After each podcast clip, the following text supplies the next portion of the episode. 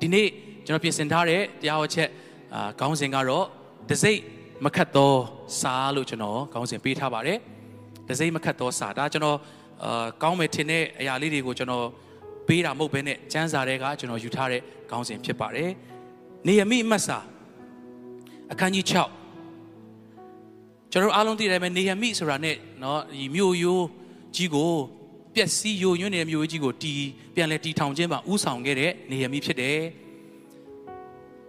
နေရမိကတကယ်တော့သူ့မှာအဲ့ဒီတာဝန်လောက်ကိုလောက်ရမယ်ဆိုတဲ့တာဝန်သူ့မှာမရှိဘူးသူကရှင်ဘရင်အနားမှာအမှုထမ်းရသူဖြစ်တယ်သူ့ရဲ့တာဝန်ကတော့ဟိုဘယ်လိုခေါ်မလဲ24နာရီပဲပြောရမလားအချိန်ပြည့်เนาะအစဉ်သင့်ရှိရမယ့်နေရာဖြစ်တယ်ဘယင်ကြီးရဲ့အာစားတော် နော်ပွဲတော်ပြင်ဆင်တဲ့အခါမှာပြီးတဲ့အခါအာဘယင်ကြီးစားခြင်းလောက်အောင်နော်အမျိုးမျိုးအရသာရှိတဲ့အရာတွေဖြစ်မယ်သို့မဟုတ်အာတခါလေသူမစားခြင်းတဲ့ခြင်းရှိလဲစားခြင်းအောင်ပြောရတာမျိုးလည်းဖြစ်ဖြစ်မယ်ဘယင်ကြီးနဲ့ရင်းရင်းနှီးနှီးနေရတဲ့နေရာလူဆိုတာကနေရာကအရင်ရေးကြီးတယ်ပြီးတဲ့အခါသူ့ရဲ့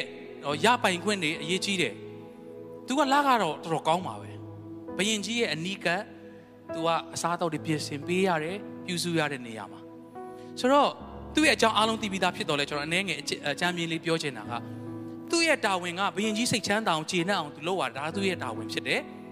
အခုခေတ်လို့တော့အမှုတော်ဆောင်မဟုတ်ဘူးသင်ရုပ်ဆရာလည်းမဟုတ်ဘူးသူကတရားဟောဆရာလည်းမဟုတ်ဘူး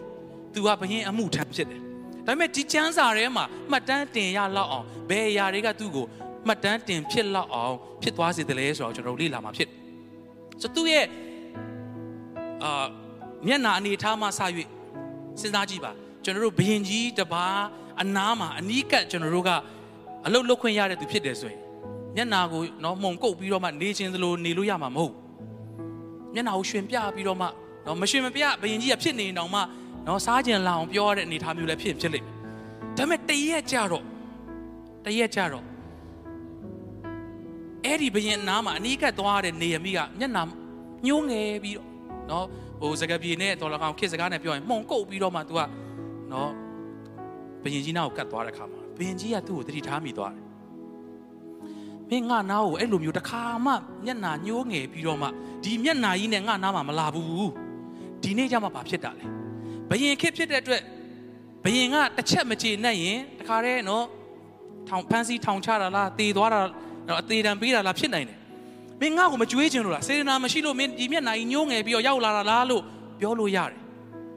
ဘုရင်ကြီးကမေးလဲမေးတယ်ဘာဖြစ်လို့ဒီနေ့ကျမှအဲ့ဒီမျက်နှာနဲ့ငါ့စီကိုလာတာလဲပြောတဲ့ခါမှာသူကရည်ရွယ်ချက်ရှိရှိနဲ့သူ့မျက်နှာကိုညှိုးငယ်စွာနဲ့ဝင်သွားတာဖြစ်တယ်တနည်းအားဖြင့်သူ့ထဲမှာရှိတဲ့အရာ တော့ဘာပြောလဲဆိုတော့ကျွန်တော်နေခဲ့တဲ့မြို့ရဲ့မြို့ရိုးကြီးကပြိုပြက်သွားတယ်မီးလောင်ပြက်စီးသွားတယ်ဆိုတော့တည်င်းကြားရတဲ့အတွက်ကျွန်တော်အယံဝမ်းနေနေလို့ပါရှင်ဘရင်တခါလေကျွန်တော်တို့ရဲ့ဘဝမှာအယံအရေးကြီးတဲ့အရာတွေကကျွန်တော်တို့ရဲ့မျက်နာမှာကျွန်တော်တို့ရဲ့လှုပ်ရှားမှုမှာလာရောက်ပြီးထင်ဟပ်ပါတယ်ဆိုတော့ဘလောက်ပဲเนาะတခြားကိစ္စအရေးကြီးတဲ့အရာပဲဖြစ်ပါစေရှင်ဘရင်ပဲဖြစ်ပါစေ သူ့ရဲ့နှလုံးသားထဲမှာရှိတဲ့အရာကမျက်နာမှာလာပေါ်တယ်ဘယင်ကြီးကတော့မေးယူရတယ်အဲ့ခါမှာကျွန်တော်နေခဲ့တဲ့မြို့ရိုးကြီးပြိုပြက်နေတယ်အဲ့ဒါကျွန်တော်အရန်ပြင်ကျင်တယ်ဆိုတော့အဲ့ဒီမြို့ရိုးပြိုပြက်ချောင်းကြားတဲ့အခါမှာနေယမိကကာလအတန်ကြာငိုကြွေးတယ်တဲ့ဘယ်နှရက်ဆိုမပါဘူးဘယ်နှနာရီဆိုမပါဘူးဘယ်နှလဆိုတာမပါဘူးကာလအတန်ကြာသူနေခဲ့တဲ့မြို့ရဲ့မြို့ရိုးကြီးပြိုပြက်သွားတဲ့တူကငိုကြွေးတယ် ဒီနေ့သင်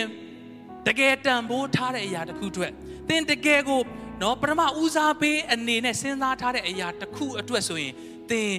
ငိုငိုရမယ်ဆိုလဲအချိန်ဘလောက်ကြာကြာငိုမိမှာပဲဘာလို့လဲဒါအရန်ရေးကြီးတယ်လို့ခံယူတဲ့အတွက်အဲ့ဒီအရာအတွက်ကျွန်တော်တို့မျက်ရည်ကျမိကြတယ်နေရမိကနော်ရှင်ဘရင်ဘေးနားမှာအလုတ်လောက်ရတာအာအဲ့အဲ့မြို့မှာနေတဲ့သူတွေအတုံးမကြလို့ပေါ့ ငါဒီမှာငါအလုံးနဲ့ငါရှင်ဘရင်ဘေးနားမှာငါရှိနေတာသူတို့တွေကောင်းကောင်းမထိန်သိမ်းလို့သူတို့တွေညံ့လို့ပြောလို့ရတယ်ဒါပေမဲ့ तू ကသူ့ရဲ့ဝင်တာအနေနဲ့ထားတာအာမင်ဒီနေ့သင်သင်တက်တာထဲမှာဖခင်ကတစုံတယောက်အတွက်သို့မဟုတ်တစ်ခုခုအတွက်ဝင်တာပေးထားတာရှိရှိလိမ့်မယ်အဲ့ဒီသူအတွက်သင်မျက်ရည်ကျပြီးတော့မှဆုတောင်းဖို့ဖခင်ကလိုတော့ရှိတယ်ဟာလေလုယာသင်ရဲ့မိသားစုပျော်လဲတော့မဲ့မိသားစုသင်ရဲ့အသင်းတော်သင်ရဲ့မြို့သင်ရဲ့နိုင်ငံအတွက် သင်ကြည့်လိုက်တဲ့အခါမှာငါအစဉ်ပြေနေတာပဲမဟုတ်ဘဲနဲ့ဖခင်သင်ကိုတာဝန်ပေးထားတဲ့ဝင်တာမြို့ရိုးတွေပြိုပြတ်တယ်ဆိုရင်မျက်ရည်ကျလျက်ဆူတောင်းတော်သူများဖြစ်ဖို့ဘုရားရှင်ကောင်းကြီးပေးပါစေဟာလေလုယာဟာလေလုယာမြန်မာနိုင်ငံအတွက်မျက်ရည်ကျပြီးတော့ဆူတောင်းကြရအောင်သင်ချစ်တဲ့မိသားစုတွေအတွက်မျက်ရည်ကျပြီးဆူတောင်းကြရအောင်သင်အရင်ချစ်တဲ့တငယ်ချင်းတွေယုံကြည်ခြင်းနော်အာရောသွားလို့သိတဲ့အခါထင်တဲ့အခါမှာလက်ညှိုးထိုးပြီးတော့မှမစီရင်ဘဲနဲ့ သူတို့အတွက်မျက်ရည်ကျပြီးတော့မှဟာငါကဘယင်နားမှာငါအလုပ်နဲ့ငါဝင်ငွေလဲကောင်းတယ်အေးဆေးပဲအဲ့လိုလည်းငါပြန်မှာမဟုတ်ဘူးငါဘာမှမဖြစ်ဘူးမစင်စားဘူးနေရမိကအဲ့ဒီမျိုးရိုးအတွက်ငိုကြွေးတယ်အာမင်ဒီနေ့သင်တကယ်အရေးကြီးတယ်လို့ထင်တဲ့အရာအတွက်အချိန်ပေးဖို့မျက်ရည်ကျဖို့ဝင်လေးနေမှာမဟုတ်ပါဘူးဒါနဲ့ तू ကရှင်ဘရင်ကိုပြောတဲ့အခါမှာပြောပလိုက်တာ သူ့မျိုးရိုးပြင်ဖို့အတွက်ကိုရှင်ဘရင်ကို तू ကပြောတယ်ခွင့်တောင်းတဲ့အခါမှာအံ့ဩစရာကြီးရှင်ဘရင်ကခွင့်ပြုလိုက်တယ်မကဘဲနဲ့စာတွေရေးပေးပြီးတော့မှသူ့အတွက်လိုအပ်တဲ့ထောက်ပံ့တဲ့ထောက်ပံ့တဲ့ပစ္စည်းတွေနော်လိုအပ်တဲ့အရာတွေတစ်တွေမှစားပြီးနော်အကုန်လုံးအာဘရင်ကြီးကပြင်ဆင်ပေးတဲ့ခါမှာသူကကောင်းမွန်စွာနဲ့အာမြို့ရိုးကိုပြင်ဖို့ရန်အတွက်အစပြုလာတယ်ဆိုတော့အဲ့ဒီအရာအာကျွန်တော်တို့တည်ပြီးသားလည်းဖြစ်လိမ့်မယ်ပြီးတော့ဒီနေ့မှာအဲ့ဒါကိုအသေးစိတ်ကျွန်တော်ဆက်ပြီးတော့ပြောမှာမဟုတ်ဘူး ဒီနေ့ပြောမယ့်အရာကအခန်းကြီး6ထဲမှာပါတဲ့အရာဖြစ်တယ်ဒီလရဲ့ကျွန်တော်အသင်းတော် ministry ရဲ့ theme ကတာ၍ကြီးသောအမှုကိုပြုတော်လာဖြစ်တယ်အာမင်ကျွန်တော်လိုက်ဆိုကြည့်ရအောင်တာ၍ကြီးသောအမှုကိုပြုရတော်လာအာမင်ဒီအရာကသင်သင်အတွက်တကယ်ယုံကြည်တယ်ဆိုရင်အခြေအနေနဲ့မဆိုင်တော့တာ၍ကြီးသောအမှုတွေကိုဒီလမှာပြုရမှာဖြစ်တယ်ဟာလေလုယာဘယ်နှယောက်ကယုံကြည်တယ်လဲဘယ်နှယောက်ကအတည်ပြုတယ်လဲအာမင်ဟာလေလုယာ တစ်ဖက်ကလည်းရှိတာကဒီလိုချိန်မျိုးမှာ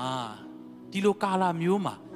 ဒီ theme ကြီးကငါတို့နဲ့တကယ်ကိုက်ရလားတာ၍ကြီးသောအမှုဆိုတော့ဘယ်လိုတွေများဖြစ်မလဲငါဘာမှမလုပ်နိုင်မှာမဟုတ်တာ၍ကြီးသောအမှုမပြောနဲ့အရင်တော့လုံနေကြအရာတော်မှမလုံနိုင်တော့တဲ့ကာလမှာတာ၍ကြီးသောအမှုကိုတကယ်လုံနိုင်ပါမလားလို့စဉ်းစားနေတဲ့သူတွေလည်းရှိလိမ့်မယ်ဒါကလည်းအမှန်တရားဖြစ်တဲ့အတွက်ညင်းဟိုအဲ့ဒါကိုမညင်းပါဘူးဒါပေမဲ့တကယ်တမ်းစဉ်းစားကြည့် ကြီးသောအမှုဆိုတာဘာလဲဒီလမှာသင်တကယ်လုပ်ရမယ့်အရာကဘာလဲတာ၍ကြီးသောမှုကိုပြုရမယ်ဆိုတဲ့အခါမှာဘာလဲလို့ကျွန်တော်တို့နှုတ်ကပတ်တော်အားဖြင့်ပြီးတဲ့အခါအထူးသဖြင့်တန်ရှင်သောဝိညာဉ်တော်ကဒီနေ့တယောက်ချင်းစီတိုင်းကိုစကားပြောမယ်လို့ယုံကြည်တယ်အာမင်ဆိုတော့တာ၍ကြီးသောမှုဆိုတော့ဒီနေ့အားလုံးကိုနော်ဒီနေရာတွေမေးခြင်းတယ်သင်အတွက်ကြီးသောမှုကဘာလဲဒါလေးကိုနော်ကျွန်တော်ကိုပြောစရာမလိုပါဘူးစိတ်ထဲမှာတစ်ချက်စဉ်းစားပါ ကြီးသောမှုကဘာလဲနေရမိအတွက်ကြီးသောမှုကတော့အာဘယင်ကြီးရဲ့အနားမှာဘယ်လိုလုပ်ပြီးတော့ယာဒူးတွေတိုးဖို့အဲ့ဒါသူ့အတွက်ကြီးသောမှုမဟုတ်ဘူးသူ့အတွက်ကြီးသောမှုကသူ့ရဲ့ဟိုးမှာပျက်စီးနေတဲ့မြို့ရိုးကိုပြင်ဖို့ကသူ့အတွက်ကြီးသောမှုဖြစ်တယ်အာမင်ဒီနေ့တင့်အတွက်ကြီးသောမှုဆိုတာကသင်အရန်အရေးကြီးတယ်လို့ထင်တဲ့အရာကတင့်အတွက်ကြီးသောမှုဖြစ်တယ်အဲ့ဒီအရာအတွက်လူတွေကအာဘယ်လိုခေါ်မလဲသင်နဲ့အတူလိုက်ပြီးတော့မှဟုတ်တယ်အရန်အရေးကြီးတယ်လို့ထင်ချင်မှထင်မယ်နော် ကျွန်တော်အရင်တော့လည်းပြောဘူးသူလို့ပေါ့ဖခင်ကနော်ကျွန်တော်ကိုတခြင်းအာရေးရတော့အခွင့်ဉာဏ်ပညာပေးတဲ့ခါမှာတခြင်းရေးတဲ့တခြင်းရေးတဲ့ချိန်ကတိတဲ့အတိုင်းပဲနော်ညာညာလုံးပေါက်ရေးတာလည်းရှိတယ်။အိုးရင်တော့မှဆိုရင်တကောင်မနေ့3နာရီ4နာရီတိရေးတဲ့ချိန်လည်းရှိတယ်။အဲ့ဒီတခြင်းရေးခြင်းကကျွန်တော်အတွက်အရန်ကြီးတဲ့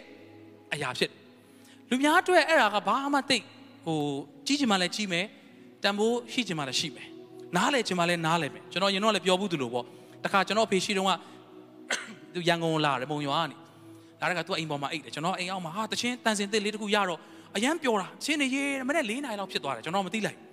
ကျွန်တော်ဖေကတော့တရေးနိုးတော့ toilet ခဏဝင်ဝင်ဖို့လာပါလားမသိဘူးခဏဆင်းလာတဲ့အချိန်မှာကျွန်တော်တွေ့တော့ကျွန်တော်တချင်းရေးနေမနေ့၄နာရီထိကျွန်တော်ချီးပြီးတော့မျက်ရည်ကျအဖေကတနာလို့တဲ့မင်းတို့လောက်ကမလွယ်ဘူးနော်မနေ့၄နာရီလောက်ထိလောက်ရတာ အဖေကတနာနေတာကျွန်တော်အဖေဟာမဟုတ်ဘူး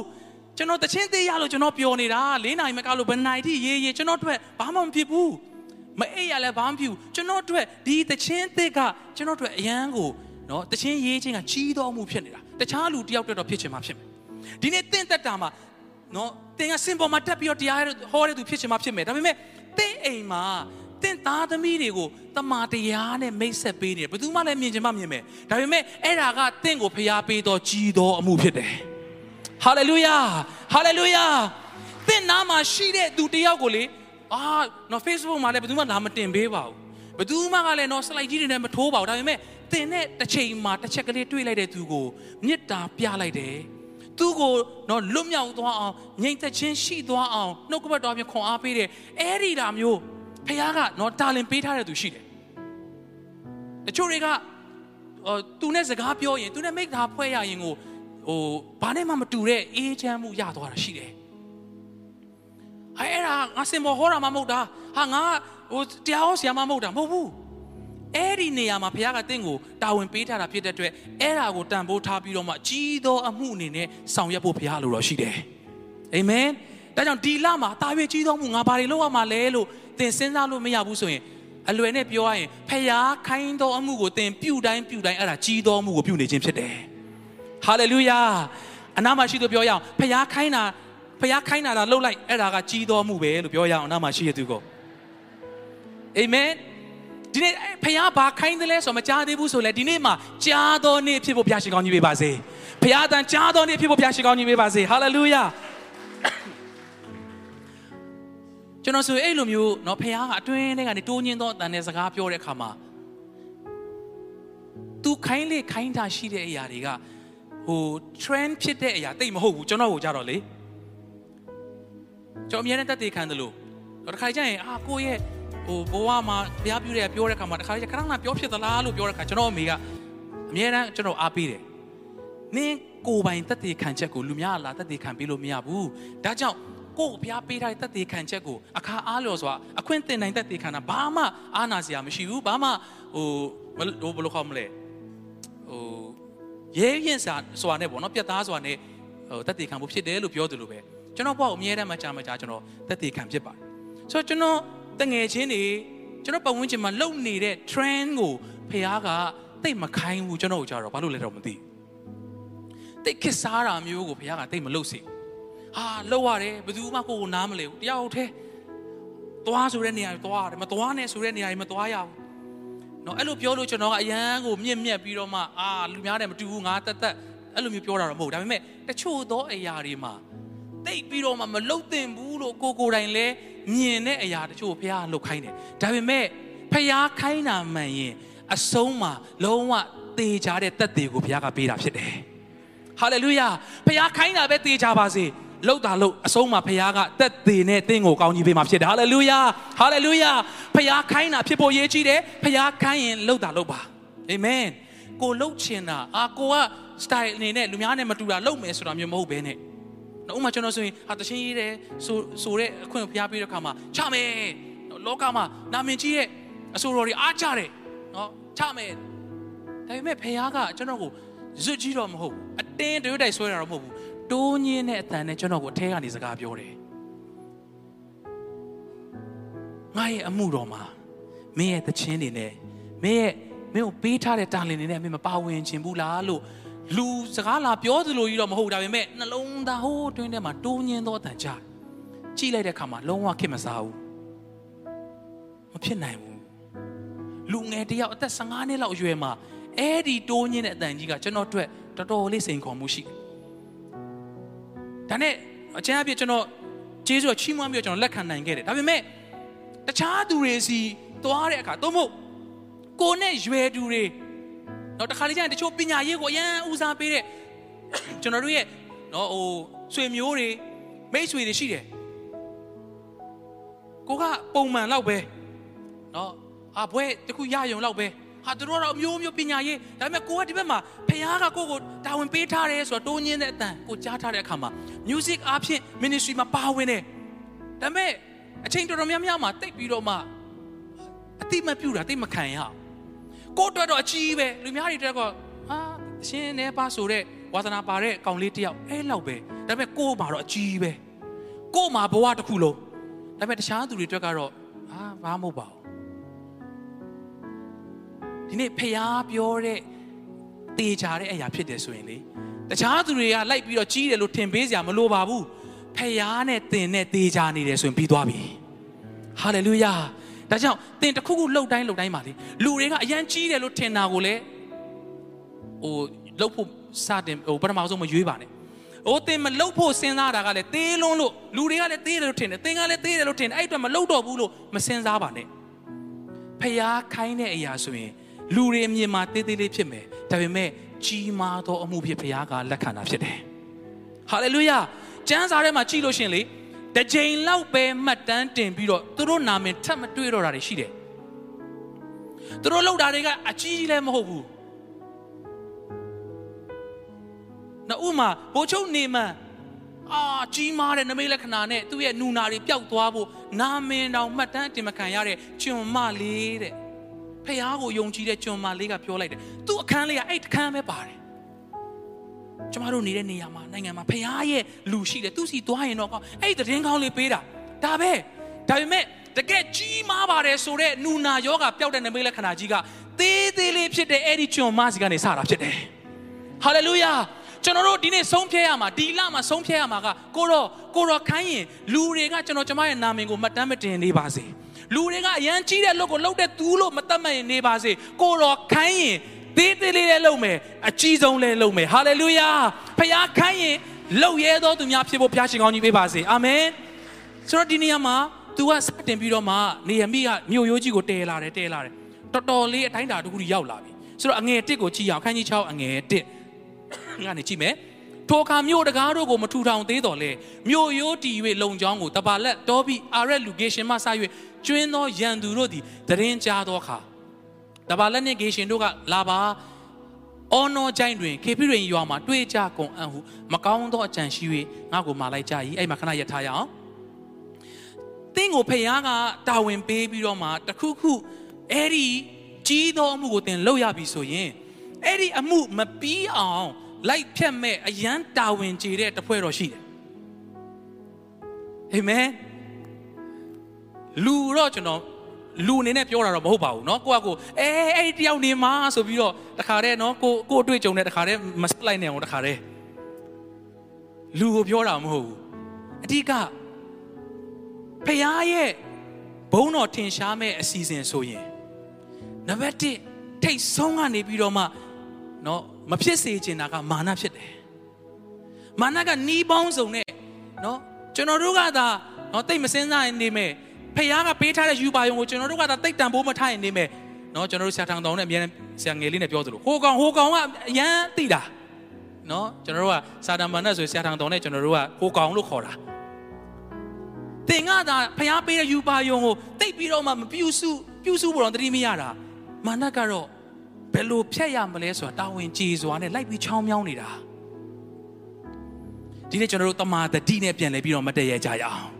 ဟာလေလုယာဖခင်ခိုင်းတော်မူမပြီးစေမဲ့မာနရဲ့လောက်ရအားလုံးယေရှုနာမနဲ့ဖယ်ရှားပါတယ်သင်ရဲ့အသက်တာမှာဖခင်ပေးသောပန်းနိုင်ကိုရောက်နိုင်ဖို့ဖခင်ရှင်ကောင်းကြီးပေးပါစေဟာလေလုယာအဲ့ခါမှာသူ့ရဲ့တည်င်းကိုကြားကြားကြားတဲ့ခါမှာသူ့ရန်သူတွေကမြို့ရိုးကြီးပြီးတော့မပြီးသေးဘူးတဲ့ဒါပေမဲ့လုံတော်တော်လုံနေပြီဆိုတာကြားတဲ့အခါမှာတဲ့င့်မိသားစုတကယ်ပဲเนาะ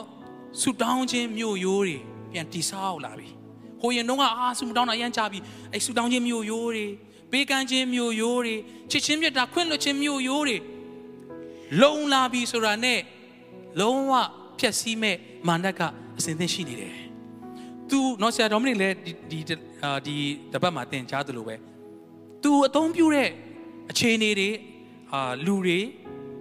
ပုံစံလေးတော့ရှိတတ်ပါတယ်လာတဲ့ခါမှာလဲကျွန်တော်တို့အတွက်ခက်ခဲတဲ့ အာကြမ်းတမ်းတဲ့အရာဆိုရင်တော့သူမဟုတ်ကြည့်လိုက်တာနဲ့ကိုနော်ဟိုမှားမှန်အရန်သိတဲ့အရာကြီးဆိုရင်ကျွန်တော်တို့ချက်ချင်းညင်းလို့ရတာဒါပေမဲ့တစ်ခါလေချိုတာတဲ့အရာနဲ့လာတဲ့ခါမှာကျွန်တော်တို့ကညင်းဖို့ရန်အတွက်မေ့လျော့နေမိတတ်တယ်နေရမိကိုလည်းကြည်ရင်ကြည်နဲ့တရင်တွေကြားရင်နဲ့အာမြို့ရိုးတော်တော်လုံနေပြီဒါဆိုရင်တော့ဒီဒီမြို့ရိုးပြန် မြို့ရိုးဆိုတာဥမာမြို့မြို့တစ်မြို့ရဲ့မြို့ရိုးကြီးမလုံဘူးဆိုရင်တော့ဥမာမှောင်ခိုသမားတွေလည်းဝင်လို့ရမယ်နော်လာပြီးတော့ရုတ်တရက်မြို့ကိုတိုက်တိုက်ချင်တဲ့သူကလည်းဝင်လို့ရမယ်မြို့မြို့ရိုးလုံသွားပြီဆိုတော့ဝင်လို့မရတော့ဘူးလေဒီနေ့တင့်မိသားစုဟာအရှိမဟိုးအရှိကတကပေါက်ကြီးကတော့ဟီးနေတာကောင်းနေတယ်ဒါပေမဲ့တစ်ချိန်လုံးတိုက်ခံနေရတယ်တစ်ချိန်လုံးနော်အနောက်ကနေဘေးကနေလာနေတယ်ဘာလို့လဲသင်စဉ်းစားလို့မရဘူးဆိုရင်လေ ဒီနေ့ဝိညာဉ်တော်ကသင်ကိုဖော်ပြဖို့ရန်ဆူတောင်းပေးပါတယ်သင်ရဲ့မြို့ရိုးတနေရာရာမှာမလုံသေးလို့ဖြစ်တယ်ဆိုရင်ဒီနေ့ဆူတောင်းခြင်းနဲ့ပြန်လည်ပြီးတော့မြို့ရိုးတည်ဆောက်ကြရအောင်ဟာလေလုယာတမန်တရားနဲ့ပြန်လည်ပြီးတော့မြို့ရိုးကိုတည်ဆောက်ကြရအောင်အာမင်ဆိုတော့တကားဘလောက်ပဲလှနေပါစေနော်ဘေးနာတနေရာမှာပေါက်နေတယ်ဆိုအဲ့ကနေဝင်လာလို့ရတယ်ဒီနေ့မြို့ရိုးလုံပြီဆိုရင်တော့ကြံတာရန်သူတွေဝင်လို့မရတော့ဘူးဆိုတဲ့အခါမှာအရန်မပြီးခင်မှာနော်သူ့ရဲ့ရန်သူတွေကသူ့ကိုဘာလာပြောလဲဆိုတော့လာပါတဲ့ငါတို့ အာအော်နော်ဂျိုင်ဂေဘရင်ရွာမှာတွေ့ကြကုန်အခုခေတ်စကားနဲ့ပြောမယ်ဆိုရင်နေရမီနဲ့အဖွဲ့တွေကအာယုံဆိုင်ပြီးတော့မှမြို့ရိုးကိုတီဆောက်နေတဲ့အချိန်မှာလာပါနော်အာမင်းတို့ငါတို့ချမယ်ဘာညာမင်းတို့ငါတို့တိုက်ကြမယ်အဲ့လိုခေါ်တာမဟုတ်ဘူးဒီခါကျတော့ရန်သူတွေကချွချွတာတာနဲ့ခေါ်တာလားငါတို့လည်းစကားပြောရအောင်အခုခေတ်စကားနဲ့ဆိုရင်အာကော်ဖီလေးပဲတောက်ပြီးတော့မှနော်မိသားလေးပဲဖွဲ့ရအောင်ပေါ့လေ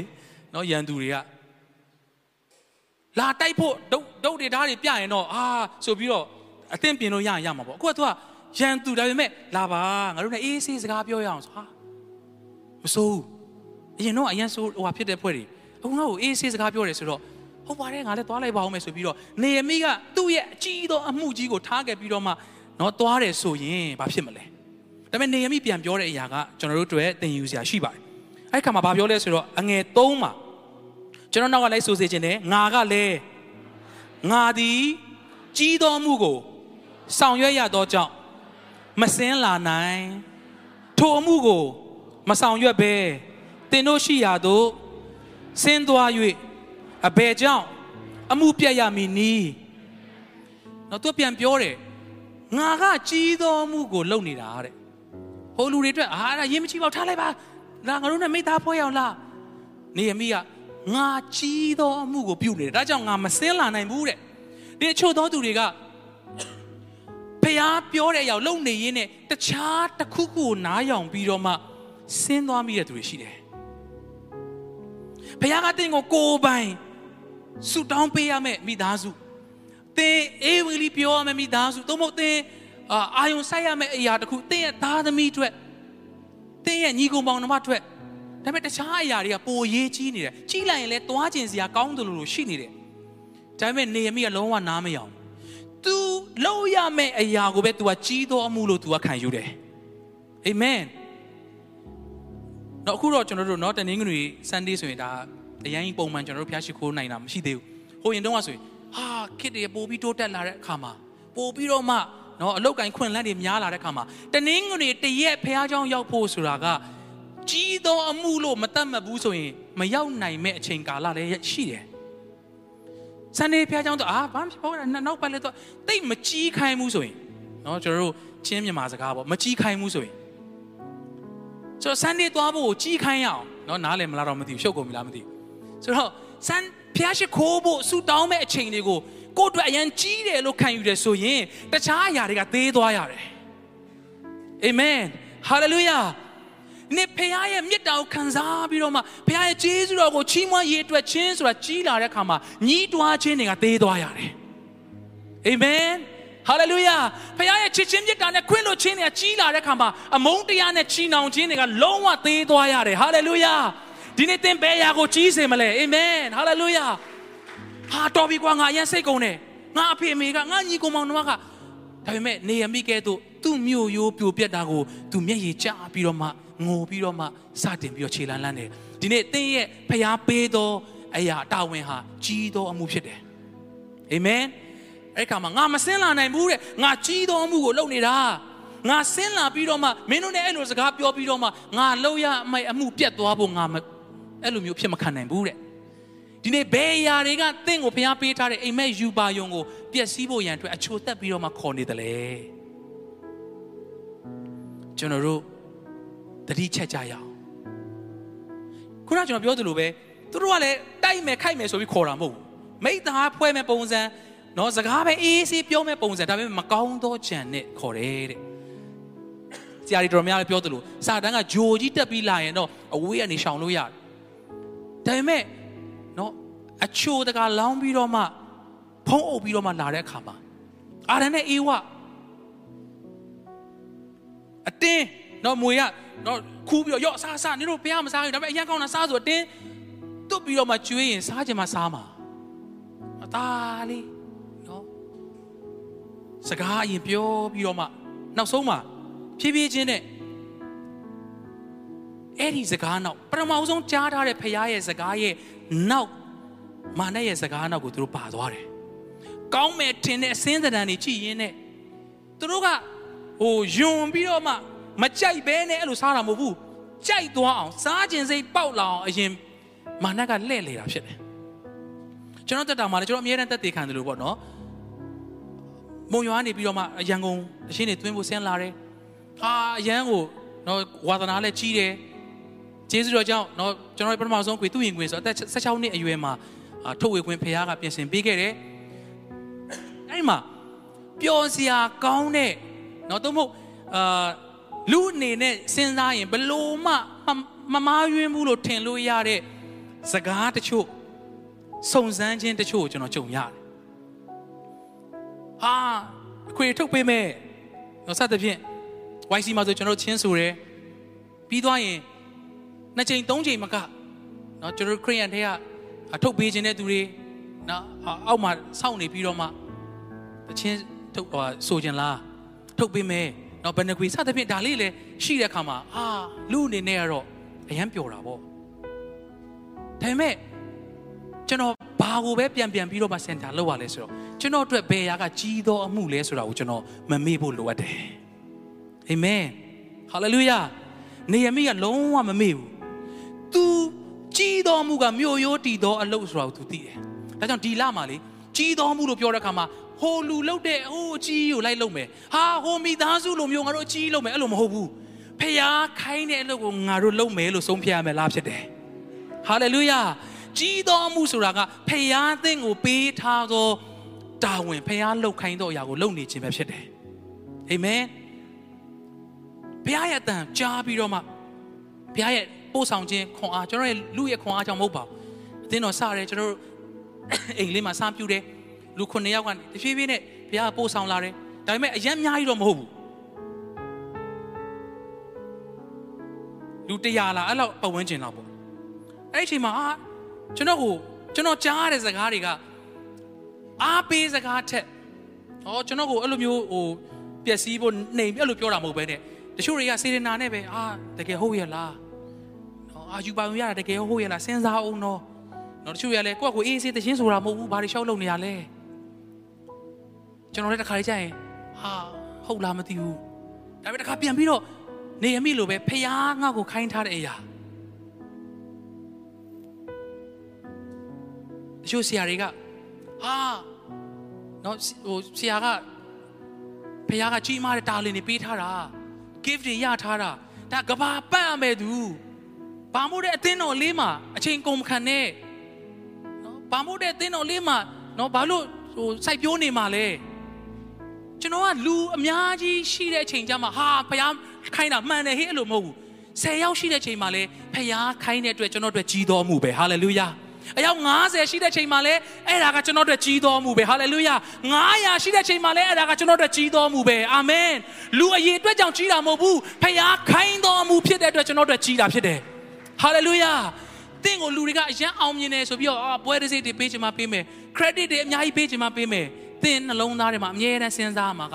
ငါဖျားခိုင်းသောအမှုကိုလုပ်နေသေးရလားအဲ့ဒါလုပ်နေသေးတယ်ဆိုရင်တော့သင်ဟာကြီးသောအမှုကိုလုပ်တော်သူဖြစ်တယ်ဆိုတာဒီနေ့နှုတ်ကပတ်တော်ဖြင့်ခွန်အားပေးခြင်းတယ်အာမင်အဲ့ဒီမှာသူအထပ်ပြီးတော့အငယ်လေးမှာထိုတို့လေးချိန်တိုင်အောင်မှားလိုက်၍လက်မလျှော့ဘူးနော်လိုက်ဖြတ်တဲ့ဖွဲ့တွေရတယ်လေးချိန်တိုင်အောင်မှားလိုက်၍ငါသည်လဲရခင်ကဲ့သို့ပြန်ပြော၏ နောက်ပစ္စမအချိန်၌နော်ငါးချိန်တောင်စူးစမ်းတာတပါလက်သည်တဲ့ရခင်ကဲ့သို့မိမိကျွန်ကိုဆေလွတ်၍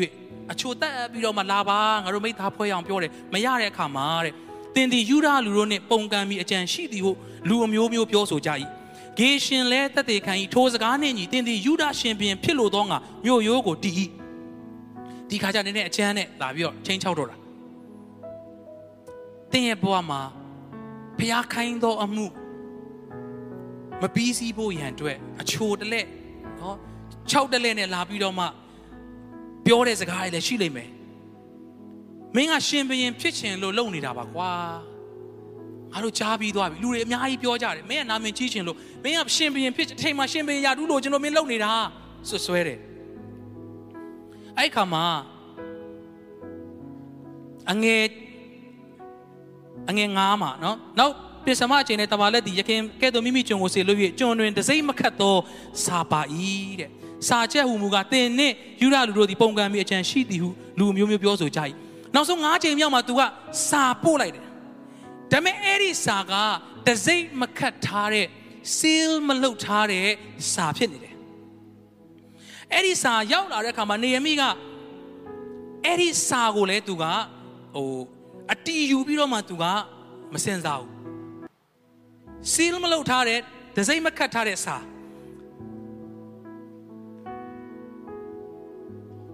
ယူဒာပြည်၌ရှင်မင်းရှိသူအသင်ကိုရည်ဆောင်၍ယေရုရှလင်မြို့၌ဟောပြောရသော prophet တို့ကိုသင်ခန့်ထားပြီးထိုစကားတိုင်းရှင်ဘုရင်အားကြားလျှောက်ရမည်တို့ဖြစ်၍လာပါတိုင်ပင်ကြကုန်အံ့ဟုစာ၌ပါတည်းတဲ့ငါကလည်းသင်ပြောသောစကားတခွန်းမြမမှန်ကိုစိတ်ထဲမှာအချီးနှီးထင်တတ်သည်ကြီးဟုစေလွတ်၍ပြန်ပြော၏တဲ့ ဒီနေ့ကျွန်တော်တို့ဘဝမှာတစိမ့်မခတ်ထားတဲ့စာတချို့နဲ့ကျွန်တော်တို့အချိန်တွေကိုကုံစီမိကြပါတယ်ဆိုဒီကျမ်းစာရဲ့เนาะဟိုကြော်ရိုးသို့မဟုတ်သူ့ရဲ့မွေးရည်ရွယ်ချက်ဒါတွေကိုတော့ကျွန်တော်အာခဏထားပြီးတော့မှကျွန်တော်စိတ်ထဲမှာဖခင်ဖွင့်ပြတဲ့အရာတိုင်းဒီနေ့အာဒီဒါလေးကိုကျွန်တော်အဆုံးပိုင်းအနေနဲ့ပြောမှာဖြစ်ပါတယ်သင်နဲ့ကျွန်တော်အလုတ်ရှုပ်တဲ့ အချိန်တော်တော်များများကတစိမ့်မခတ်ထားသောစာတွေနဲ့ကျွန်တော်တို့အလုတ်ရှုပ်ကြတယ်လို့ဝိညာဉ်တော်ဘုရားကကျွန်တော်ပေါ်ပြပါတယ်ကျွန်တော်ကိုဘုရားဖွင့်ပြတဲ့ဖွင့်ပြချက်ကတော့တစိမ့်မခတ်သောစာဆိုတာကအတီမဖြစ်ဘူးယုံကျင်စရာမကောင်းသောစာဒါက official မဟုတ်ဘူးအာပါလေချိတ်ပိတ်ထားတဲ့စာမဟုတ်ဘူး unsealed letter ဖြစ်နေတယ် seal မလုပ်ထားဘူးတစိမ့်မခတ်ထားဘူးချိတ်မပိတ်ထားဘူးအဲ့ဒီစာသည် ရှင်ဘရင်ပေးတဲ့စာလုံးဝမဖြစ်နိုင်ဘူးတရားဝင်စာလုံးဝမဟုတ်ဘူးဆိုတာကိုနေရမိရဲ့ကောင်းကောင်းနားလည်တဲ့အခါမှာမင်းပြောတာအားလုံးကမှားတာတွေကြီးပဲငါလုံးဝအဖက်မလုပ်ဘူးတဲ့အဲ့လိုပြန်ပြောလိုက်တယ်ဒီနေ့သင်နဲ့ကျွန်ုပ်ကလေမနဲ့မိုးလင်းကနေမိုးချုပ်ဒစိမ့်မခတ်ထားတဲ့ဖျားစီကနေလာတာမဟုတ်တဲ့ဒစိမ့်မခတ်တဲ့စာတချို့နဲ့စကားတချို့နဲ့ကျွန်တော်တို့ကစိတ်ဓာတ်တွေကြာနေတာအာရန်နဲ့အေဝါစဉ်းစားကြည့်ဒစိမ့်ခတ်ထားသောစာတနည်းအားဖြင့်တကယ်တရားဝင် official ပြောလိုက်တဲ့စာစကားကဖျားကဥယျင်တစ်ခုလုံးမှာအားလုံးမင်းတို့စိုးရမယ်စားရမယ်ဒါပေမဲ့ဥယျင်အလဲမှာရှိတဲ့အပင်တပင်လေးရဲ့အသီးကိုပဲမစားခိုင်းတာအဲ့ဒါကတစိ့ခတ်ထားသောစာဖြစ်တယ်မင်းတို့အဲ့ဒါစားတဲ့နေ့မှာအေကံမှန်သေရမယ်တဲ့အဲ့ဒါလည်းတစိ့ခတ်ထားတယ်တနည်းအားဖြင့်အဲ့ဒါကအတီဖြစ်တယ်တကယ်အတီဖြစ်တယ်ဒါပေမဲ့နောက်မှရောက်လာတဲ့စာတစောင်ကိုအာရနဲ့အေးဝါကပိုယုံသွားတယ် ဒါပေမဲ့တစိမ့်မခတ်ထားဘူးမင်းတို့ဒီဥယျာဉ်တစ်ခုလုံးကအသီးတွေမစားခိုင်းဘူးဟုတ်လားဘလောက်နော်ညံများတယ်လဲဆိုတော့မနက်ကဟာမဟုတ်ပါဘူးအေးဝပြန်ပြောတယ်အကုန်လုံးမစားခိုင်းတာမဟုတ်ပါဘူးဟိုးတပင်ကအသီးလေးပဲမစားခိုင်းတာဒါနဲ့မနက်ကဆက်ပြောတယ်နော်ငွေငွေတရံဆောင်ပြီးတော့အဲ့ဒါမင်းတို့ကိုနော်အခုခေတ်စကားနဲ့ဆိုမင်းတို့ကိုဂျင်းထဲ့တာဖခင်ကနော်ဖခင်ကမင်းတို့ဂျင်းထဲ့ထားတာ အဲ့ဒီအသီးကိုစားလိုက်မှမင်းတို့ကလုံးဝဖះနဲ့တူသွားမှာအမြင်တွေပွင့်သွားမှာကောင်းမကောင်းတွေတိသွားမှာဖះနဲ့တူသွားမှာအဲ့တော့မင်းတို့တကွက်ခြံထားတာမင်းတို့ဖះကမင်းတို့ကိုနော်အဲ့ဒါမပြောထားဘူးနောက်မှရောက်လာတဲ့စာနောက်မှရောက်လာတဲ့စကားကိုအေးဝါကစယုံလာပြီဒီနေ့ကျွန်တော်တို့ စကားတစ်ခုကြားတိုင်းကြားတိုင်းအဲ့ဒီစကားအဲ့ဒီစာဟာဒစိတ်ခတ်ထားတဲ့စာဖြစ်သလားတနည်းအားဖြင့်တမန်တရားနဲ့ညီသောစာဖြစ်သလားဆိုတော့ကျွန်တော်တို့အရင်ဆုံးစဉ်းစားဖို့လိုတယ်အာမင်မဟုတ်ရင်ဒီခေတ်ကြီးမှာသင်ငြိမ်သက်ခြင်းရမယ့်အချိန်တစ်ချိန်မှရှိမှာမဟုတ်တော့ဘူးသင်မနှက်ပြန်အတွက်အားရှိဖို့အချိန်ရှိမှာမဟုတ်တော့ဘူးကျွန်တော်တို့ဒစိတ်မခတ်ထားတဲ့စာတွေဒစိတ်မခတ်ထားတဲ့စကားတွေကကျွန်တော်တို့ကိုအားရော့စေတယ်ဒီနေ့သင်ကိုမင်းကဘယ်တော့မှဘာမှဖြစ်နိုင်မှာမဟုတ်ဘူး အာမင်းမြို့ရိုးတွေမင်းရှောက်ပြီးလုံနေမင်းရှင်းဘရင်ဖြစ်ချင်လို့မလားမဟုတ်တဲ့စကားတွေကြီးပဲလာတယ်တစိမ့်မခတ်ထားတဲ့စာထဲမှာဒါပေမဲ့နေရမိကအဲ့ဒီတစိမ့်မခတ်ထားတဲ့စာနဲ့အလုံးမရှုပ်ဘူးဒီနေ့နှုတ်ကပတ်တော်အဖြစ်ကျွန်တော်ပြောချင်တဲ့ဖခင်ပြောခိုင်းတဲ့အရာကသင်နဲ့သင်မိသားစုတစိမ့်မခတ်ထားသောစာနဲ့စာတန်ရဲ့လိန်လေခြင်းထဲမှာနှစ်ပေါင်းများစွာနေခဲ့ပြီဒီနေ့အဆုံးသတ်သောနေ့ဖြစ်တယ်ဟာလေလုယာစာတန်ကကျွန်တော်တို့ကိုကြည့်ပြီးတော့မှမင်းဘာမှမဖြစ်နိုင်ဘူးမင်းဘာမှ ဖြစ်မဲ့သူမဟုတ်ဘူးဒါပေမဲ့ကျွန်တော်ပြန်ပြောရအောင်မာနငါတို့လင်းလို့မရအောင်အဲ့ဒါတစိ့ခတ်ထားတဲ့စာမဟုတ်ဘူးငါဟာယေရှုခရစ်တော်အပြင်အောင်မြင်သူထက်အောင်မြင်တော်သူဖြစ်တယ်ဟာလေလုယာဘာလို့လဲတမန်တရားအဖြစ်ဒါကအတီဖြစ်တယ်ဖခင်ပြောတဲ့စကားကပဲအတီဖြစ်တယ်ဖခင်မပြောတဲ့စကားကတစိမ့်မခတ်ထားတဲ့တရားဝင်စာမဟုတ်ဘူးအာမင်ကျွန်တော်တို့သတင်းတစ်ခုခုကြားတဲ့အခါမှာဟာဘယ်သတင်းဌာနကလဲ အဲ့ဒီသတင်းဌာနတကယ်တရားဝင်နော်နိုင်ငံတကာအသိမှတ်ပြုထားတဲ့နော်သတင်းဌာနဟုတ်ရဲ့လားအဲ့ဒီတရားဝင်ဖြစ်ချင်းမဖြစ်ချင်းကိုအရင်လေ့လာရတယ်ဟာဟုတ်တော့တယ် blue mark နဲ့အဲ့ဒီအကောင့်ကမှန်တော့တယ်စသဖြင့်နော် Facebook ဟိုဟို terms ပြောမယ်ဆိုရင်အဲ့ဒီတရားဝင်ဖြစ်ချင်းမဖြစ်ချင်းတမာတရားနဲ့မညီတဲ့ဒစိမ့်မခတ်တဲ့စာတွေဘလောက်သင်အိမ်ထဲမှာပြည့်နေပြီလဲသင် ခင်မွန်းတဲ့ကိုကြည့်တယ်သင်ဇနီးတဲ့ကိုကြည့်တယ်သင်သားသမီးကိုကြည့်တယ်ဒစိမ့်မခတ်တဲ့စာတွေနဲ့ပဲရေးထားတယ်မင်းသားလေဒီလိုမင်းသမီးကဒီလိုဒီနေ့ကစပြီးတော့မာနကိုပြန်ပြောလိုက်ပါငါ့ကိုလုံးဝလိန်လို့မရတော့ဘူးအဲ့ဒါကဒစိမ့်ခတ်ထားတဲ့စာတွေမဟုတ်ဘူးအာမင်ငါကတစိ့ခတ်ထားတဲ့တမာတရားတိုင်းငါတို့မိသားစုကအသက်ရှင်မဲ့သူတွေဖြစ်တယ်ဟာလေလုယာလက်ခုပ်တီးလိုက်ပါဘုရားကိုချီးမွမ်းရအောင်အာမင်လူတင်တဲ့မှန်သောလက္ခဏာရှိတော်လဲတဲ့အဆုံးမှာမမှန်တဲ့အရာတွေသေချင်းကိုတောင်ပို့တတ်တဲ့အရာတွေအများကြီးရှိတယ် ဒီနေ့ကျွန်တော်တို့ worship မှာလည်းကြားသွားသလိုသင်ဟာသားဖြစ်ရတော့အမွေစားမွေခံဖြစ်တာသင်အရန်လောက်ပြနေလုံးလို့မဟုတ်ဘူးသင်အရန်တော်လွန်းနေလို့တခုခုတော့မြင်အောင်ကြည့်ပါကျွန်တော်အဖေရှိမှကျွန်တော်ကဟာထူးထူးဆန်းဆန်းကြီးတချင်းနေဆိုပြအမြဲလုံးမှအဲ့ကြမှာအေးငါသားငါသားဟုတ်တယ်ငါသားအာဘာမှသိမလုံးနိုင်တဲ့အခါလင်းကနေလက်ကနေဖြစ်တဲ့အခါမင်းဘာတူလဲကွာပြန်မေးတာမဟုတ်ဘူး ဒီနေ့သင်ဖရားရဲ့သားဖြစ်ခြင်းကယေရှုခရစ်တော်အားဖြင့်ရသွားတဲ့အခါမှာမနဲ့မိုးလင်းလို့လည်းအဲ့ဒါကမပြောင်းသွားဘူးနေ့လေနေရမ်းပူနေလို့လည်းသားဖြစ်ခြင်းကမပြောင်းသွားဘူးမိုးရွာလို့လည်းအဲ့ဒါကမပြောင်းသွားဘူးအာမင်ဟာလေလုယာမုန်တိုင်းတိုက်တယ်လေတွေတိုက်နေတယ်ဒါပေမဲ့သားဖြစ်ခြင်းကမပြောင်းသွားဘူးဒါပေမဲ့စာတန်ကတင့်ကိုလာလိမ့်မယ်မင်းဘာလုပ်နိုင်လို့လဲမင်းကကောင်းနိုင်တဲ့သူမဟုတ်ဘူး မင်းအတန်ရှင်းတဲ့သူလည်းမဟုတ်ဘူးမင်းဘာမှလည်းနော်လုံနိုင်တဲ့သူမဟုတ်ဘူးမင်းသွားပြီးလာလိမ့်လိမ့်မယ်ဒါပေမဲ့ပြန်ပြောလိုက်ပါစာတန်တစိမ့်မခတ်ထားတဲ့စာတွေနဲ့ငါတို့ကိုလာပြီးတော့မနှောက်ယှက်နဲ့တော့ငါဟာထာဝရဘုရားရဲ့သားဖြစ်တယ်ဟာလေလုယာထာဝရဖြောင့်မတ်တော်သူဖြစ်တယ်အာမင်ထာဝရတန်ရှင်းတော်သူဖြစ်တယ်အာမင်အဲ့ဒါကတင့်အတွက်တစိမ့်ခတ်ထားသောစာဖြစ်တယ်အနားမှာရှိသူပြောရအောင်တစိမ့်မခတ်ထားတဲ့စာတွေနဲ့အလုံးမရှုံနဲ့တော့လို့အာမင် ခု Facebook တွေအရင်ခစ်စားတာကြာပါပြီเนาะအချိန်မှာအရင်တော့ကသတင်းတစ်ခုဆိုတာကအာသတင်းစာလေးသို့မဟုတ်ဂျာနယ်တစ်ခုကိုဝယ်ဖတ်ပြီးတော့မှဘယ်နေ့မှတနင်္လာနေ့မှဘယ်ဂျာနယ်အခုကတော့သတင်းဆိုတာအရင်မြန်တာတခါတည်းလက်ကလေးတစ်ချောင်းတောက်လိုက်တာနဲ့သတင်းဖြစ်သွားတယ်ဒါပေမဲ့အဲ့ဒီသတင်းမှန်လားမမှန်လားဆိုတာပြန်ပြီးတော့စမ်းစစ်ဖို့အများတန်းလိုတဲ့ကာလမှာကျွန်တော်နေတာဖြစ်တဲ့အတွက်နားလည်မယ်လို့ယုံကြည်တယ်သတင်းအားလုံးယုံလို့မရဘူးအဲ့လိုပဲသင်ကြားသမျှကြားသမျှစကားတွေကိုမယုံပါနဲ့ သင်နဲ့ကျွန်တော်အများတန်းယုံရမယ့်စကားဖခင်ဘာပြောတယ်လဲဆိုတာပဲကျွန်တော်ယုံရမှာဖြစ်တယ်အဲ့ဒါကိုပဲကျွန်တော်စိတ်ဝင်စားရမှာဖြစ်တယ်အာမင်ကျွန်တော်မြန်မာနိုင်ငံကျွန်တော်ရဲ့အသင်းတော်ကျွန်တော်မိသားစုအချင်းနေဘလို့ဖြစ်ပါစေဖခင်ကငါတို့အသင်းတော်ကိုဘာများခိုင်းတယ်လဲဆိုတာကိုပဲကျွန်တော်တို့အမြဲတမ်းမျက်ချိန်မပြတ်ကြည့်ဖို့လိုတယ်ဟာလေလုယာကျွန်တော်မိသားစုစဉ်းစားကြည့်နော်ဖခင်ရဲ့ကြီးမြတ်ခြင်းကလေ ဟိုလွန်ခဲ့တဲ့9နှစ်တုန်းက10နှစ်တုန်းကတင့်ကိုဖျားပေးတဲ့ယူပါယုံကဟာအခုကိုဗစ်တွေဖြစ်လို့အခြေအနေတွေမကောင်းတော့လို့အဲ့ဒီယူပါယုံဖျားက sorry လို့ပြောပြီးတော့ငါသားအဲ့တော့ခက်ကောင်းတယ်လေငါမင်းကိုအဲ့ယူပါယုံပေးမိတာအခုတော့ခက်မကောင်းနည်းနည်းအဲ့ဒီခက်နဲ့ကြိုက်တဲ့ယူပါယုံပြန်ပေးမယ်ရော့ဒါလေးပြန်တင်ထားမယ်နောက်မကြခင်မင်းကငါဒီခက်နဲ့ညီမဲ့ယူပါယုံလေးတခုပြန်ပေးမယ်မပြောဘူးနော်ရေအမိတို့ကိုဖျားပြောတဲ့အခါမှာကျင်းထောင်ထဲမှာရှိနေရင်းနဲ့ကြီးသောအမှုကိုမြင်ရမယ်လို့ပြောတဲ့ဖျားကကျွန်တော်တို့ကိုးကွယ်တဲ့ဖျားဖြစ်တယ် ဟာလေလုယာဟာလေလုယာသင်ရဲ့ oneness ရာကောင်းတဲ့အခြေအနေထဲမှာလေ तू ကလိုက်ပြီးတော့မှအေးဟုတ်တယ်နော်ဟာအရန် oneness ရာကောင်းတာပဲပြောပြီးတော့မှသင်နဲ့အတူလိုက်ငိုပြီးတော့မှပြီးသွားတယ်ဘုရားမဟုတ်ဘူးသင်ရဲ့ခံစားချက်ကိုလည်းနားလေတယ်တစ်ဖက်ကသင်အဲ့ဒီခံစားချက်ကနေလွတ်မြောက်ဖို့လည်းဘုရားကတတ်နိုင်တယ်လာဇရုသူချစ်ရတဲ့လာဇရုသေပြီးတဲ့၄ရက်ရှိပြီးတကြိုလိုက်တာ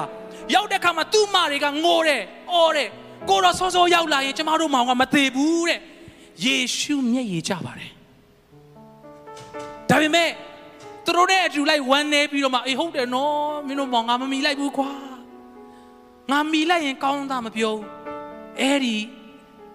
တင်တကြိုထားတဲ့နေရာငါ့ကိုလိုက်ပြပါလူတွေအံ့ဩပြီဟာ तू ဘာလို့မလုပ်လဲဟိုရင်တော့ကတော့နမေးလက်ခဏတွေတော့လှုပ်ဘူးတာပဲနေမကောင်းတဲ့သူတွေတော့အသက်ရှင်စီတာဟုတ်တယ်ဟိုကတကြိုပြီးတာ၄ရက်ရှိပြီ သူတို့ယူရတဲ့ထုံးစံရ၄ရက်ထိတကြိုပြည့်သွားပြီးမှတကယ်သေးတယ်လို့သူတို့ကသတ်မှတ်တယ်တဲ့ကျွန်တော်ကြားဘူးတယ်ဖတ်ဘူးတယ်စဉ်းစားကြည့်အဲ့ဒီ၄ရက်ပြည့်တဲ့အထိကိုယေရှုကစောင့်တာတခါလေကျရင်ရက်ဆက်တယ်လို့ပဲသူတို့ရဲ့ထုံနှန်းစင်လာရပါတော့၄ရက်ပြည့်သွားမှပဲဆိုနှစ်ရက်လောက်လာရင်အာကိုတော့နှစ်ရက်ဆိုဖြစ်နိုင်သေးတယ်ပြောအောင်ပြောမှာ၄ရက်ဆိုတော့မျောလင်းချက်ကလုံးဝဟိုကုံတာမဟုတ်လုံးဝကုံသွားပြီ သူတို့တက်တက်လုံးတီးခဲ့တဲ့ traditional ရလဲဘလို့မှနီးလာမရှိတော့ဒါပေမဲ့အဲ့ချိန်မှာယေရှုက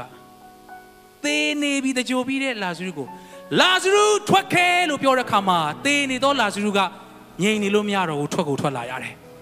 ဟာလေလုယာဟာလေလုယာမာတာပြောတဲ့စကားကတော့သေနေပြီးတဲ့အမှန်တရားဒစိမ့်မခတ်ထားတဲ့အရာဖြစ်တယ်ဒါပေမဲ့ အတီဖြစ်တဲ့စကားကတော့ယေရှုပြောလိုက်မှအဲ့ဒီစကားကအတီဖြစ်တယ်လာဇရုထွက်ခဲ့လို့ပြောလိုက်တဲ့အရာကဒစိမ့်ခတ်ထားသောစာဖြစ်တယ်ဟာလေလုယာသင်တတ်တာမှာဘလောက်ပဲသင်ပြစ်ထားလိုက်ပြီတော်ပြီမျောလင်းချက်ကနည်းနည်းတော့မရှိတော့ဘူးတကြိုလိုက်တာ၄ရက်ရှိသွားပြီဒါပေမဲ့အဲ့ဒါကဒစိမ့်မခတ်ထားတဲ့စာယေရှုဘယ်တော့မှနောက်ကျတယ်ဆိုမရှိဘူးအာမင်ဒီနေ့နားထောင်ကောင်းအောင်ပြောနေတာမဟုတ်ဘူးသင်ဘဝအသက်တာထဲမှာ လူမတက်နိုင်တော့အရာသင်မတက်နိုင်တော့အရာအဲ့ဒါကသင်အတွက်အရန်ကြီးတဲ့အရာဖြစ်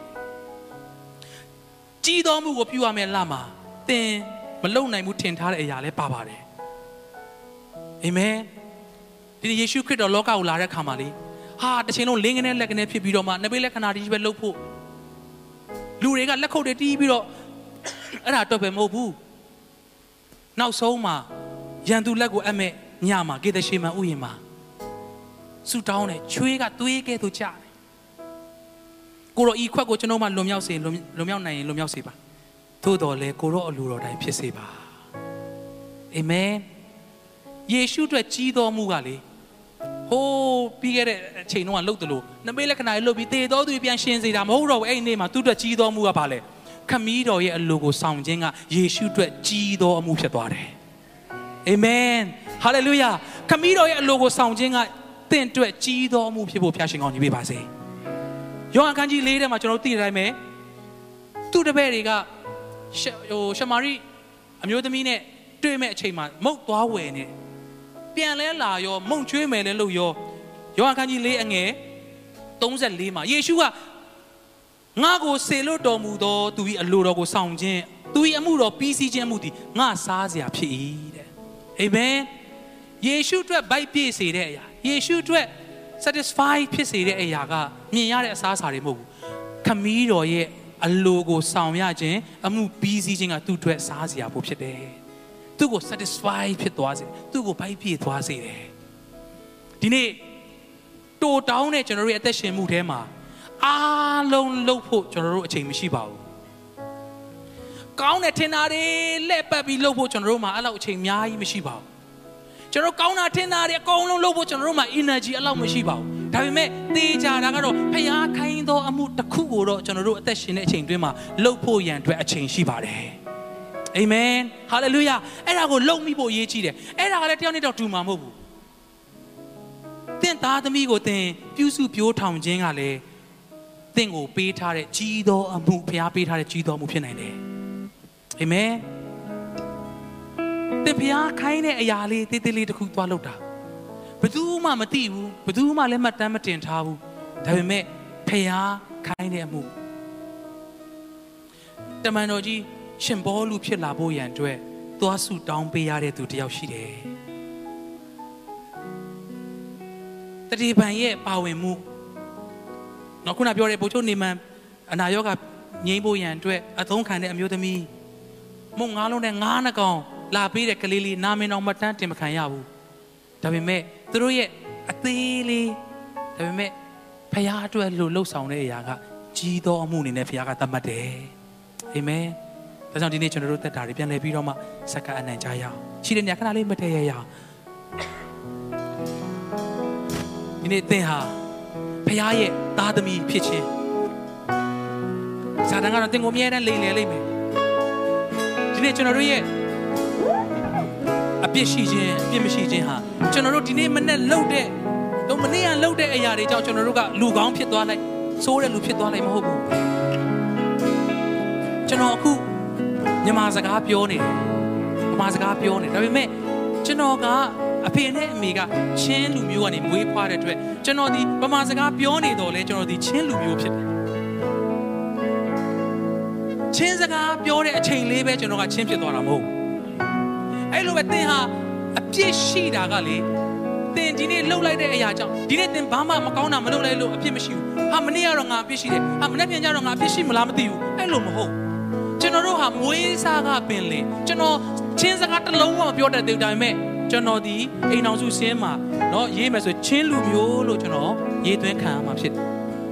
ဘာလို့လဲဆိုတော့မိဘနှစ်ပါးကချင်းလူမျိုးဖြစ်တဲ့အတွက်ဒီလိုပဲအာရနဲ့အေဝါတင် တော့ကျွန်တော်စေးအောင်စေးကမှာတခုခုဖြစ်လို့တော့ပြတယ်ဆိုရင်အဲ့ဒီယောဂအဖေမှာဘာယောဂရှိလဲအမေဘာဘာယောဂရှိလဲဟာသူတို့နဲ့ဘာဆိုင်လို့လဲမဟုတ်ဘူးအဖေမေမှာရှိရင်သားသမီးမှာလည်းပါလာတတ်တယ်ဆိုတော့เนาะစေးပညာအရာကျွန်တော်တို့သင်္ချာနည်းနဲ့ကြည့်မယ်ဆိုရင်ကျွန်တော်လူသားရဲ့စာအာရနဲ့အေဝါကပါလာတဲ့အပြစ်တရားကြီးကသေကောင်းတာလှုပ်လို့မလှုပ်လို့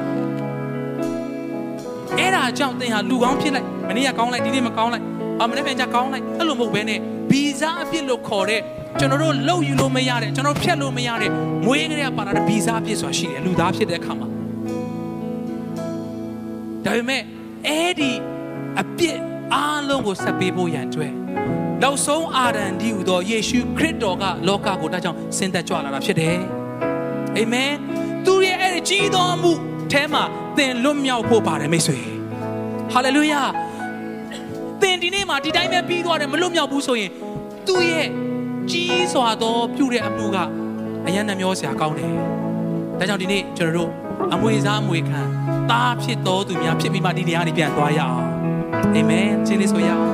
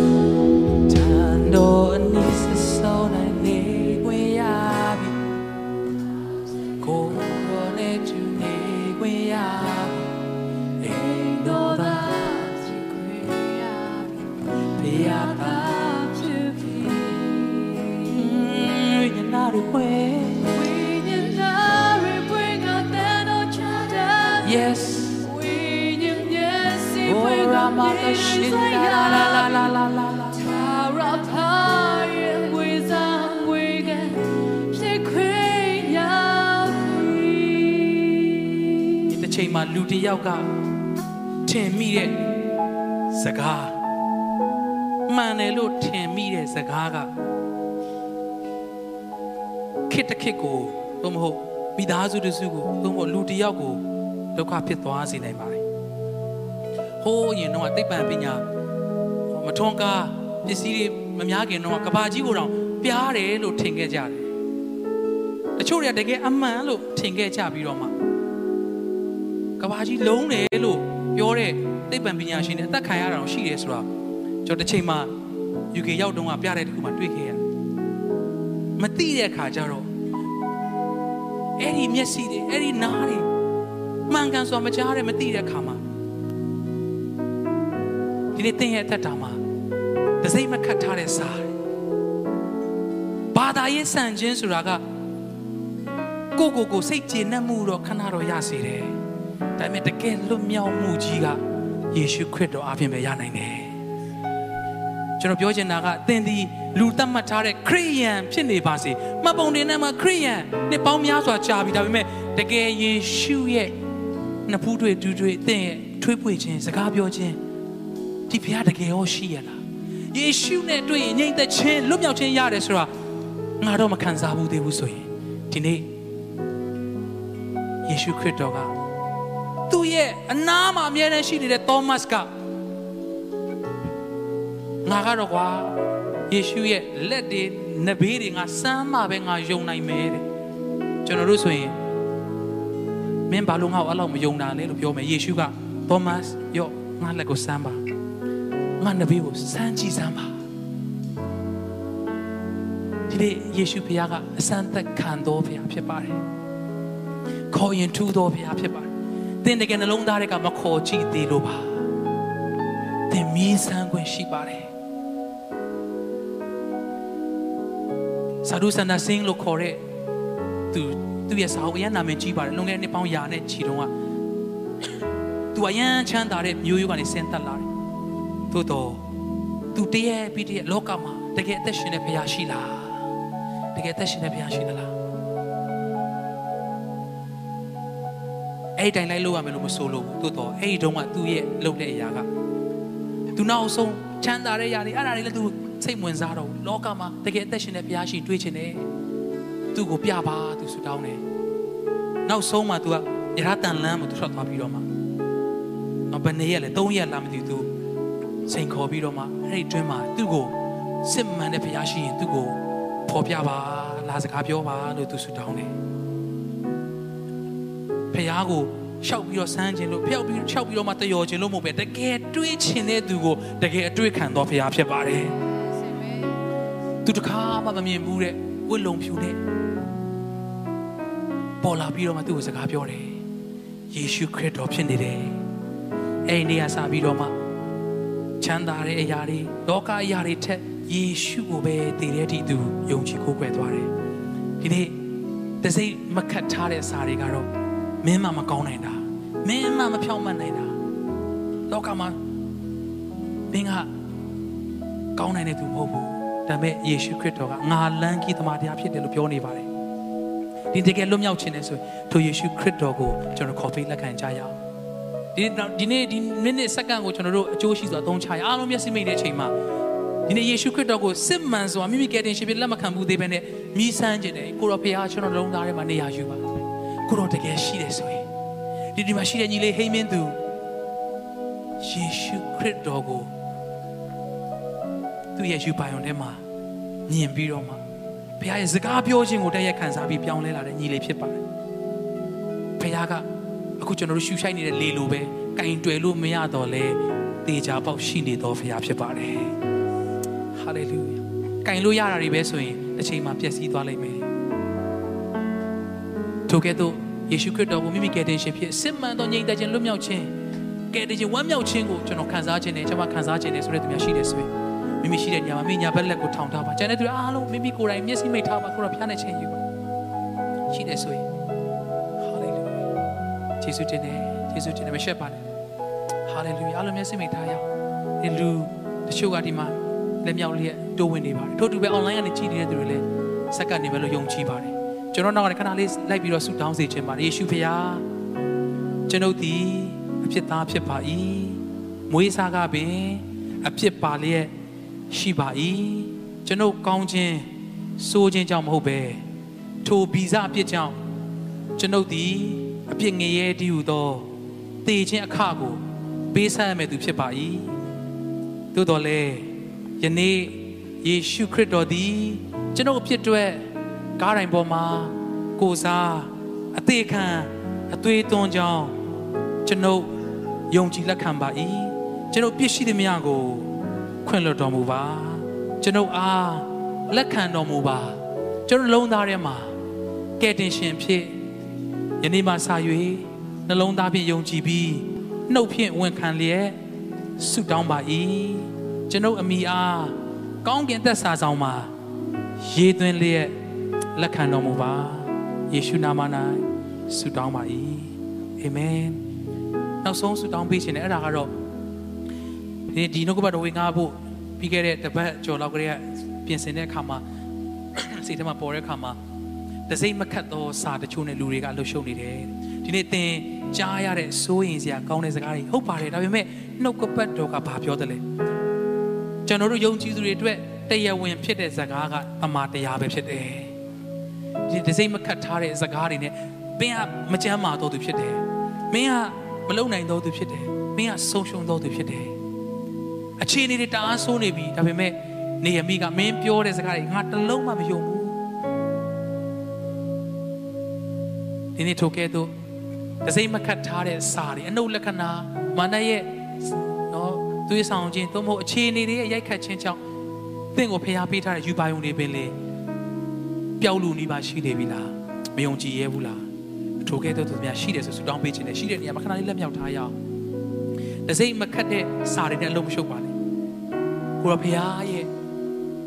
စကား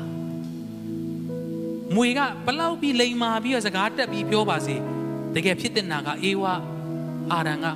မဟုတ်ဘူးဒါကတရားဝင်မဟုတ်ဘူးတရားဝင်ပြောတာငါတို့ဖျားတင်ငါတို့ပြောထားတဲ့စကားပဲဖြစ်တယ်လို့ပြောရမှာဒီနေ့ဖျားပြောသောစကားပဲအတီးဖြစ်တယ်အာမင်ဒီနေ့ကစပြီးတော့မှဆုံးဖြတ်ပါငါဖျားပြောတဲ့တစိခတ်ထားတဲ့စာစကားတွေပဲယုံကြည်မယ် မနက်ရဲ့လိမ့်လဲခြင်းအခြေအနေတွေရဲ့တစိမ့်မခတ်တော့တဲ့စာတွေနဲ့ငါလုံးမရှုပ်တော့ဘူးလို့ဒီနေ့ဆုံးဖြတ်ပါကိုရဖျားယေရှုတင်တယ်ဒီလက်မြောက်လက်ကိုရစီကိုတိုးဝင်နေတော့သူများကိုရဖျားစကားပြောလဲတိုးထီတော့ရှိတော်သူတွေကိုတော့ပေးထားတဲ့ယူပါယုံကိုဆက်ပြီးတော့မရှောက်နိုင်တော့အောင်ဒစိမ့်မခတ်ထားတဲ့စာတွေကအနောက်ရှက်ပေးနေပါတယ်သူတို့ရဲ့မိသားစုမြို့ရိုးကြီးမလုံအောင်သူတို့ရဲ့အာအသက်တာထဲမှာမိသားစုထဲမှာကိုရောတိဆောက်စေတဲ့မြို့ရိုးကြီးပြီးခံပြီးဖြစ်နေလို့လုံနေလို့ မာနကလိုက်ပြီးတော့မှဖျက်ဆီးဖို့သွေးဆောင်တဲ့အရာတွေအားလုံးကိုယေရှုနာမ၌ကိုရောဝိညာဉ်တော်တကူတော်အပြင်ကြော်ဖြတ်နိုင်သောသူများဖြစ်စေတော်မူပါ။အိုးရှောင်ရှားနိုင်သောသူများဖြစ်စေတော်မူပါ။ကြော်လွှားနိုင်သောသူများဖြစ်စေတော်မူပါ။တစိမ့်မကတ်သောစာတွေအားလုံးကိုဒီနေ့ကစပြီးလုံးဝတစ်လုံးမှမယုံမဲနဲ့ကိုရောဘာပြောတယ်လဲဆိုတာကိုပဲစိတ်ဝင်စားသောသူများဖြစ်စေတော်မူပါ။တမန်တရားတိုင်းပဲတက်ရှင်နိုင်သောသူများဖြစ်စေပါ။ကိုရောမဆတဲ့အကောင်းကြီးပေးပါ။ဝိညာဉ်တော်ဖျက်ခွန်အားပေးတဲ့နာတော်မူပါ။ကိုရောယေရှုတင်နေကျွန်တော်အသင်းတော်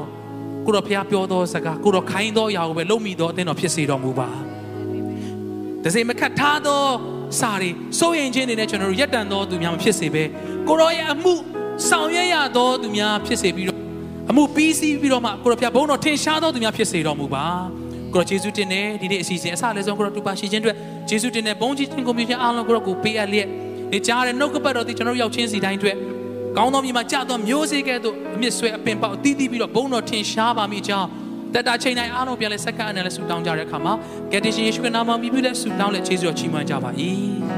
အာမင်လက်ခုပ်တီးလက်ပြောက်ချီးမွမ်းရအောင်ရောက်စီတိုင်းဘုရားရှင်ကောင်းကြီးပေးပါစေ